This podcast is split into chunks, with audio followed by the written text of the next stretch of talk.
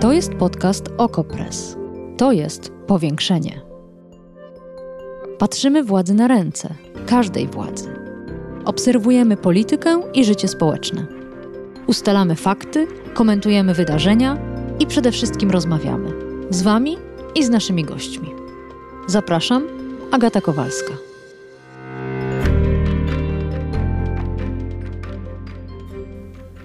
Wrócił. I co będzie dalej? O tym dzisiaj w powiększeniu.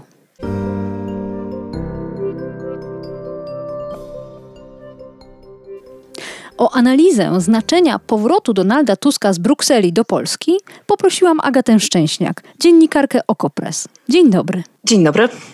Zacznijmy może nie od samego Donalda Tuska, ale od jego partii, Platformy Obywatelskiej. Zastanawiam się, czym ona się będzie różnić od platformy prowadzonej przez Borysa Budkę, poza oczywiście samą zmianą lidera. Przede wszystkim to nie będzie partia tak słaba.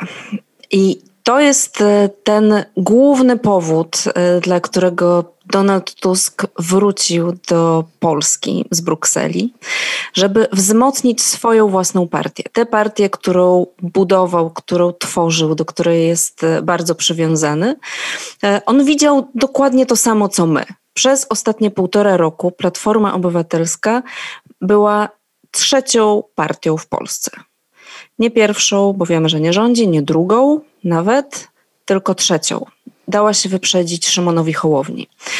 E, I myślę, że z takich, e, no nawet bardzo osobistych powodów to musiało być trudne dla, dla Donalda Tuska. To, co on obiecuje w tej chwili, to przede wszystkim na tym polega. Nie na jakiejś bardzo konkretnej propozycji programowej, o tym pewnie za chwilę jeszcze będziemy rozmawiać, ale na pewnym poczuciu energii, e, siły, którą ma w sobie Platforma Obywatelska. On po prostu obiecuje, że jego platforma będzie się tym różniła od Platformy Budki, że będzie dominującą partią na opozycji. Mhm.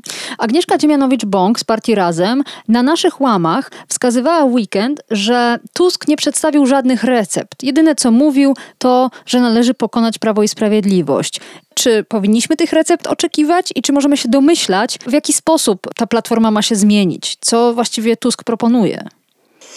Donald Tusk trochę o tym mówił wczoraj, podczas spotkania z dziennikarzami. Nie mówił o tym podczas pierwszego swojego wystąpienia w sobotę. Ono było wyraźnie skierowane do działaczy, polityków Platformy Obywatelskiej. Wiele osób wskazywało na to, że ono miało taki coachingowy charakter. Miało podnieść ich na duchu, miało e, zmotywować ich do działania, miało sprawić, żeby uwierzyli e, w to, że są w stanie wygrywać. I rzeczywiście tak to wystąpienie brzmiało. Zresztą moim zdaniem było pod tym względem bardzo dobre. Jako taki coach polityczny e, Donald Tusk naprawdę świetnie się sprawdził. I też okazało się, że to jest jednak w polityce niesamowicie ważne, kto mówi. Że można powtarzać te same rzeczy, które przecież politycy Platformy Obywatelskiej mówili przez lata, ale kiedy mówi je Donald Tusk, to one brzmią inaczej. Jest w nich dużo więcej energii, są dużo bardziej przekonujące. A dlaczego? Dlaczego tak jest? Na czym polega ta tajemnica? No, to jest tajemnica polityki i polityków. No, po prostu niektórzy mają. Tu mam pewien opór przed użyciem słowa talent, chociaż pewnie też, ale niektórzy też włożyli po prostu pracę w to, żeby do tego dojść i e, uznali, że to jest ich celem, żeby w ten sposób e, rozpalać publiczność. Ta charyzma, o której się często mówi w przypadku polityków, ona bardzo często jest po prostu wypracowana. Donald Tusk nie był zawsze takim politykiem. Ja oglądałam wiele jego występów z czasów, e, gdy miał cztery, nawet czterdzieści kilka lat. I on naprawdę nie mówił w ten sposób. On naprawdę się tego nauczył. Zresztą dokładnie tak samo było z Barackiem Obamą, który teraz uchodzi za najwybitniejszego mówcę politycznego na świecie. Gdyby Państwo obejrzeli sobie jego pierwsze występy, one naprawdę takie nie były. Barack Obama się tego uczył. Hmm. On postawił sobie pewne wzory i dokładnie tak samo zrobił Donald Tusk. Pan Janek, nasz słuchacz, pyta, jakie są różnice w poglądach Tuska Tuska z 2014 roku, a tego z 2021 roku. I pyta, co zrozumiał Tusk o Polakach, a czego jeszcze nie zrozumiał? Donald Tusk w niedzielę podczas spotkania z dziennikarzami powiedział wprost, że on jest wciąż pod względem poglądów tym samym politykiem, który był, e, kiedy zaczynał swoją karierę polityczną i kiedy wyjeżdżał z Polski. Czyli jest liberałem. Jest, jak to powiedział, wolnościowcem.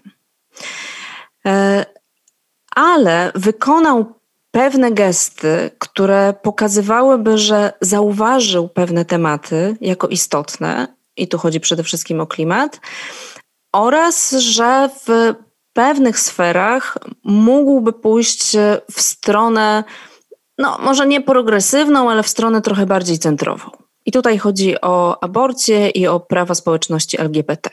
On zresztą użył tego sformułowania prawa społeczności LGBT, co wśród polskich polityków wcale nie jest takie częste. Tego nie robił nawet Rafał Trzaskowski. Zresztą w wywiadzie, który dla Okopres przeprowadziłam z Dominiką Sitnicką, Rafał Trzaskowski tłumaczył, że badania pokazują, e, że polityk nie powinien używać e, tego skrótu LGBT, e, bo to natychmiast źle wpływa na jego poparcie. Wyborcy w Polsce tego nie lubią. Ale... Donald Tusk mhm po prostu to powiedział. Nie wiem, czy badania to, to, sprawdzały, ale też dla społeczności LGBT samo używanie skrótu LGBT to jeszcze nie dość. Pani Katarzyna pyta, czy wiadomo, e, co będzie dalej? Czy Platforma będzie stać w rozkroku, czy też opowie się za równymi prawami dla społeczności LGBT? No właśnie. No i to jest, to powiedziałabym, jest e, świetne pytanie, bo rzeczywiście na takim poziomie e, retorycznym Donald Tusk wykonał ten gest. E, powiedział o społeczności LGBT, o prawach osób LGBT, co jest no, pewnym postępem na tle polskiej polityki. Myślę, że dla niego stało się naturalne, ponieważ spędził ostatnie lata na Zachodzie. Natomiast e, to, co powiedział w, w innym momencie, brzmiało już jakby tutaj kolejnych kroków miało nie być. Bo on powiedział, że on stanie po stronie dziewczyny, która jest bita za to, że przykryła się czy, czy nosi tęczową flagę, bez względu na to, jakie ma e, przekonania co do legislacji. E, on, Donald Tusk. Więc on ustawił tę sprawę praw osób LGBT na poziomie szacunku. Tego, że e, to są osoby słabsze, to są osoby, które wymagają szacunku, ale już niekoniecznie praw, już niekoniecznie jakichś ustaw, które regulowałyby to, w jaki sposób e, nasi przyjaciele, geje, lesbijki, osoby trans e, prowadzą swoje życie. Moim zdaniem to, to było takie zdanie, które pokazywało, że tutaj za wiele oczekiwać od Donalda Tuska nie będziemy, chociaż z pewnością różni się no, w sposób e, diametralny od polityków Prawa i Sprawiedliwości, z którymi mamy w ostatnich latach do czynienia i wydaje się trochę bardziej w języku progresywny w stosunku do swoich kolegów z Platformy hmm. Obywatelskiej, ale jakichś specjalnych e, bardziej progresywnych zmian w legislacji, gdyby Donald Tusk e, prowadził znowu polski rząd, bym się nie spodziewała. I teraz jeszcze jedno pytanie e, od słuchaczki. Pani Maria pyta, czy jest szansa, że koalicja obywatelska połączy siły ze strajkiem kobiet? Podobno Tusk spotkał się z Lempart niedawno w Brukseli. Donald Tusk będzie bardzo dokładnie liczył wyborców. I chociaż on w tej chwili mówi o młodych ludziach. Zresztą podczas tego spotkania mówił, że trzeba poważnie traktować młodych ludzi. To pod względem takiej brutalnej polityki młodzi ludzie są dużo mniej liczną grupą wyborców niż grupy 50 czy 60 latków. E, I mnie się wydaje, że jeśli młode dziewczyny chciałyby bardziej progresywnej, polityki ze strony Platformy Obywatelskiej czy Donalda Tuska, to nie mogą mówić, że to jest ich oczekiwanie, ich młodych, tylko to musi być też oczekiwanie ich matek. Jeśli Donald Tusk zobaczy, że nie ma przekonania do bardziej progresywnych rozwiązań w tej grupie 50-60-latków, czy nawet 40-latków, to nie będzie sobie zawracał głowy tym, żeby robić ukłon w stronę tych bardziej progresywnych postulatów i po prostu zostawi to lewicy. I powie: Lewico, weź sobie te bardziej progresywne dziewczyny, te, które chcą więcej wolności, więcej równości, a ja nie będę sobie tym zawracał głowy. Czy przez te dwa dni Donald Tusk powiedział coś, co szczególnie zwróciło Twoją uwagę, albo odwrotnie, nie powiedział czegoś i to zwróciło Twoją uwagę? Z dużą uwagą słuchałam tego, co Donald Tusk mówił o kościele, ponieważ miałam dojmujące wrażenie, że to słyszałam i to wypowiadane niemal tymi samymi słowy, a słyszałam to z ust Szymona Hołowni. E, Donald Tusk niemal zdanie w zdanie powtarzał to, co o Kościele e, mówi Szymon Hołownia, e, łącznie z, z takim wstępem jestem katolikiem i w związku z tym mogę powiedzieć różne trudne rzeczy. To było ciekawe, bo wskazuje, że Tusk uznał temat Kościoła za ważny, za coś, co mm, budzi emocje wyborców. On bardzo uważnie wybierał te tematy, które poruszał, a których nie poruszał w swoich tych obu weekendowych wystąpieniach.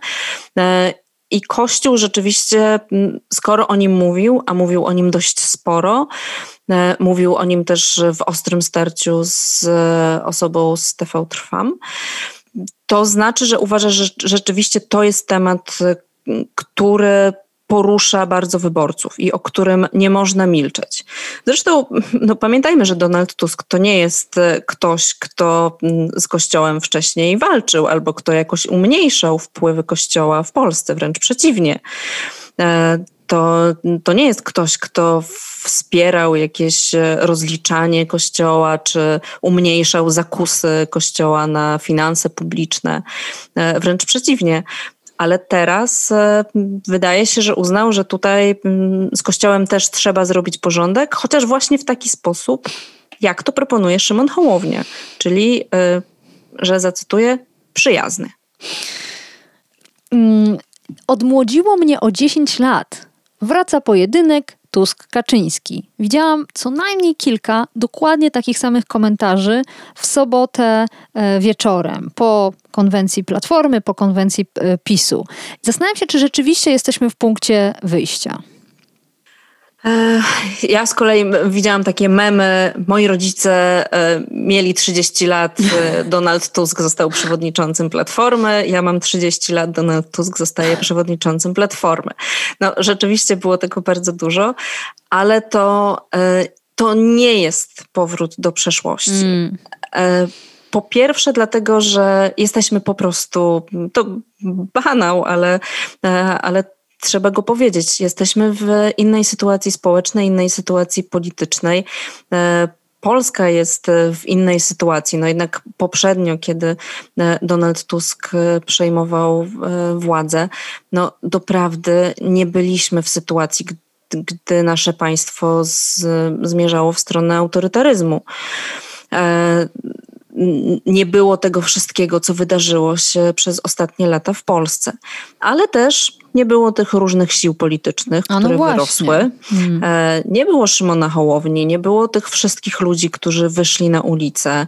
E, nie było najróżniejszych grup obywateli, którzy mają swoje oczekiwania. Cytowałaś tu e, osoby, które pytają, a co z postulatami strajku kobiet? No tak, są w Polsce różne grupy, które mają swoje bardzo wyraźne oczekiwania wobec polityków i wobec polityki. Tutaj przepraszam, I że będą przerwę. te postulaty stawiać. E, tutaj przepraszam, że ci przerwę, ale no jednak nie mogę się powstrzymać od małej złośliwości.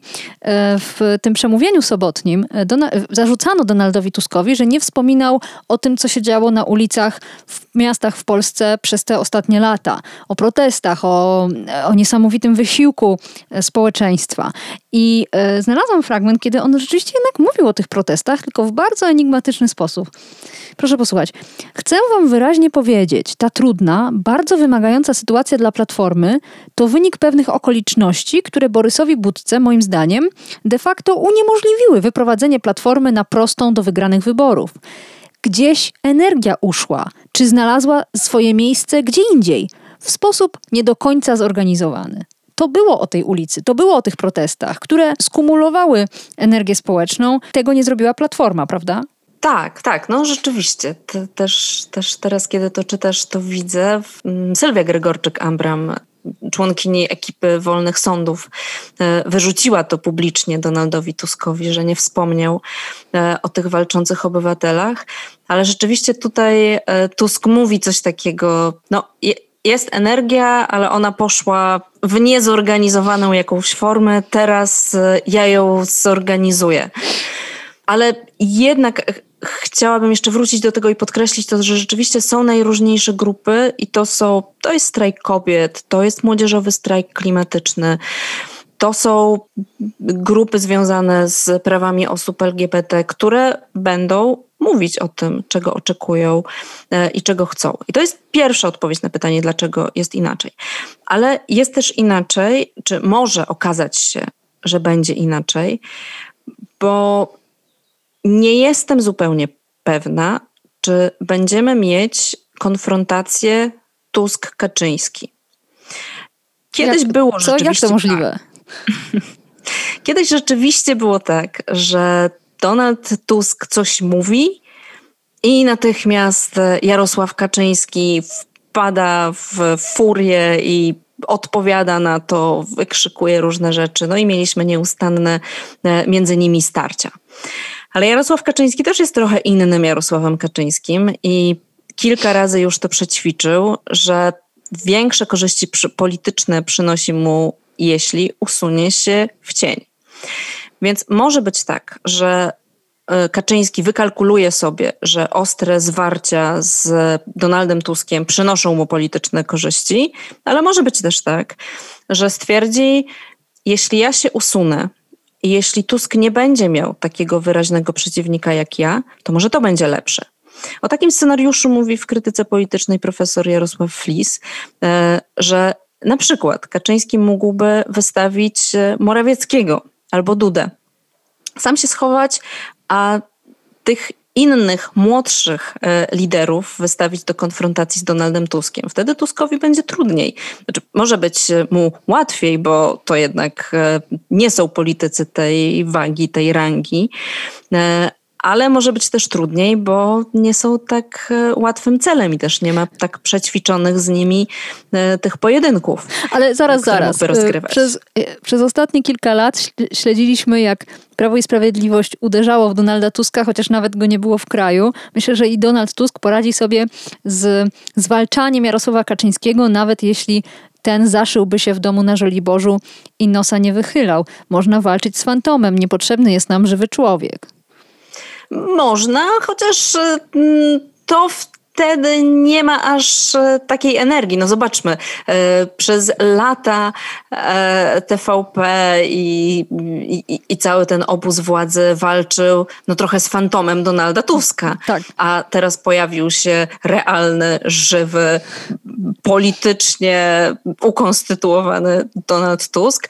No i w tym jest jakaś, jakaś inna energia.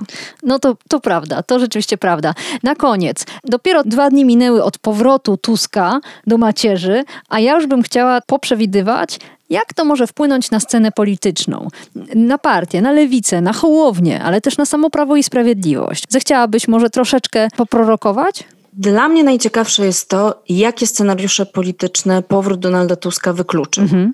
Co już się nie wydarzy w związku z tym, co. E, no więc po pierwsze, nie wydarzy się już to, że Rafał Trzaskowski odchodzi z platformy i platforma zjeżdża poniżej 10%. Z Donaldem Tuskiem na czele platforma nie będzie miała kilku procent w sondażach. Nie wiadomo, czy będzie miała 13, 15, 17 czy 25, ale z pewnością to nie będzie 7. E, druga rzecz, która się nie wydarzy, to e, opozycja, która robi koalicję z Jarosławem Gowinem i w ten sposób obala Prawo i Sprawiedliwość. E, to był taki scenariusz, który krążył na opozycji, od czasu do czasu reaktywowany, że w wyniku konfliktów w Zjednoczonej Prawicy Gowin albo wypchnięty, albo po prostu sam z siebie w pewnym momencie stwierdzi, że ułoży się jednak z opozycją mhm. i powstanie rząd z Gowinem coś takiego się nie wydarzy. E, po pierwsze, dlatego, że wczoraj Donald Tusk, czy w niedzielę Donald Tusk powiedział, e, nie będziemy budować na ruchomych piaskach, czyli na konfliktach w obozie rządzącym.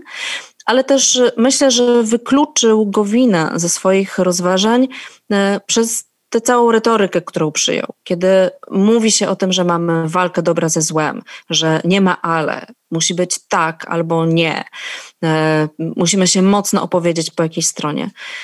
No to jako żywo Jarosław Gowin nie mieści się w, w czymś takim, w takim scenariuszu. No, no Jarosław Gowin jest przecież jednak symbolem e, polityka, który nie mówi tak, nie, tylko nieustannie się ugina, łamie, wyprawia jakieś polityczne wygibasy. Więc moim zdaniem Tusk przynajmniej na ten moment zamknął drogę do jakichś rozmów z Jarosławem Gowinem. No i trzecia rzecz, trzeci scenariusz, który wydaje się w tej chwili przynajmniej wykluczony, to jest e, bardzo szeroka koalicja od lewicy do PSL-u. Głównie ze względu na lewicę. Donald Tusk z dużą rezerwą mówił o lewicy. E, też ze względu właśnie na to, że lewica nie jest w tej chwili e, siłą polityczną, która tak e, ostro, mocno mówi tak nie, e, w, wyciągnęła rękę w pewnym momencie do Prawa i Sprawiedliwości. No i to jest ta grupa, która mówi walczyć z PiSem, ale, tak? Podkreślał, tak, że te grupy tak. są absolutnie nieakceptowalne. Tak, dokładnie. Więc w tej chwili trudno sobie wyobrazić, żeby na jednym pokładzie opozycyjnym w przyszłych wyborach znalazł się i Donald Tusk, i Lewica. Oczywiście mm, o tym będą rozstrzygały kalkulacje tuż przed wyborami e, i, i, i teraz jest dużo za wcześnie, żeby mówić o takich o tym, jak to ostatecznie będzie wyglądało, ale dziś powiedziałabym raczej, że mm, dla Tuska takim miejscem dla lewicy to jest e, kilka procent powyżej progu wyborczego i lewica jest tutaj takim mm, trochę mm, zbiornikiem dla tych głosów zbyt progresywnych, które się nie zmieszczą w, w, mm, wśród tych, którzy popierają Platformę Obywatelską. Właśnie mm. wszyscy ci, którzy za głośno, za bardzo będą chcieli e, liberalizacji ustawy aborcyjnej, e, czy większych praw dla osób LGBT, e, no to nie no, proszę, przecież macie lewicę, lewica też e, wejdzie do Sejmu, e, no ale też z punktu widzenia Donalda Tuska pewnie byłoby lepiej, gdyby nie była zbyt mocna. A z Hołownią? Koniec sukcesu? E, ja myślę, że nie. Myślę, że nie koniec i myślę, że to będzie, że dużo ciekawego tutaj zobaczymy e, pomiędzy Hołownią a Platformą Obywatelską Donalda Tuska. Myślę, że Hołownia bez walki się nie podda. E, myślę, że wciąż jest duża grupa wyborców, ciekawe jak duża, takich, którzy po prostu na Platformę Obywatelską nigdy nie mhm. zagłosują. Ale popraw mnie, jeśli się mylę. Szymon Hołownia w dużej mierze osiągał sukces, wskazując na bierność, na byle jakość Platformy na scenie politycznej, na to, że nie spełnia swojej roli głównej partii opozycyjnej. Wraca Tusk, cała ta koncepcja, cała ta narracja się sypie, prawda? Tak. I Teraz sukces Hołowni będzie zależał od e, odpowiedzi na pytanie, czy Hołownia będzie umiał zmienić tę strategię i przedstawić siebie e, jako polityka bardziej przyszłościowego, jako polityka, który daje więcej nadziei, który ma ciekawszy, bardziej konkretny plan na to, jak zmienić polskie państwo. Donald Tusk, szczerze mówiąc, niespecjalnie na razie pokazał jakieś e, nowe, inne myślenie o państwie i o przyszłości. Też myślę, że tego akurat nie oczekują od niego jego wyborcy. Oni chcą po prostu, żeby pogonił Jarosława Kaczyńskiego. E, I świetnie, i niech, i niech, i niech pogoni Jarosława Kaczyńskiego. Ale no, Szymon Hołownia może tu znaleźć dla siebie miejsce jako ktoś, kto ma lepszy pomysł na przyszłość i jest taką ucieleśnioną nadzieją i kto lepiej odpowie na najróżniejsze wyzwania, które stoją przed Polską nie w tej chwili, nie uznając, że to Kaczyński jest tym wyzwaniem, tylko, tylko coś innego, no, na hmm. przykład kryzys klimatyczny. No to jest bardzo ciekawe pytanie, czy na tym da się w Polsce zbudować poparcie polityczne jakoś szersze niż kilka procent. Będziemy śledzić, to pewne. Więcej analiz, również cały tekst przemówienia Donalda Tuska, komentarze polityków opozycji znajdą Państwo w Okopres, a ja już dziękuję Agacie Szczęśniak, dziennikarce Okopres, za całą rozmowę. Dziękuję. Powiększenie. Podcast Okopres. Prowadzenie Agata Kowalska. Podcast znajdziesz na stronie Okopres i w Twojej ulubionej aplikacji do podcastów. Redakcja Okopres działa od 2016 roku. Jesteśmy obywatelskim narzędziem kontroli władzy, obecnej i każdej następnej. Okopres utrzymuje się z Waszych darowizn. Wesprzyj nas, byśmy mogli działać dalej.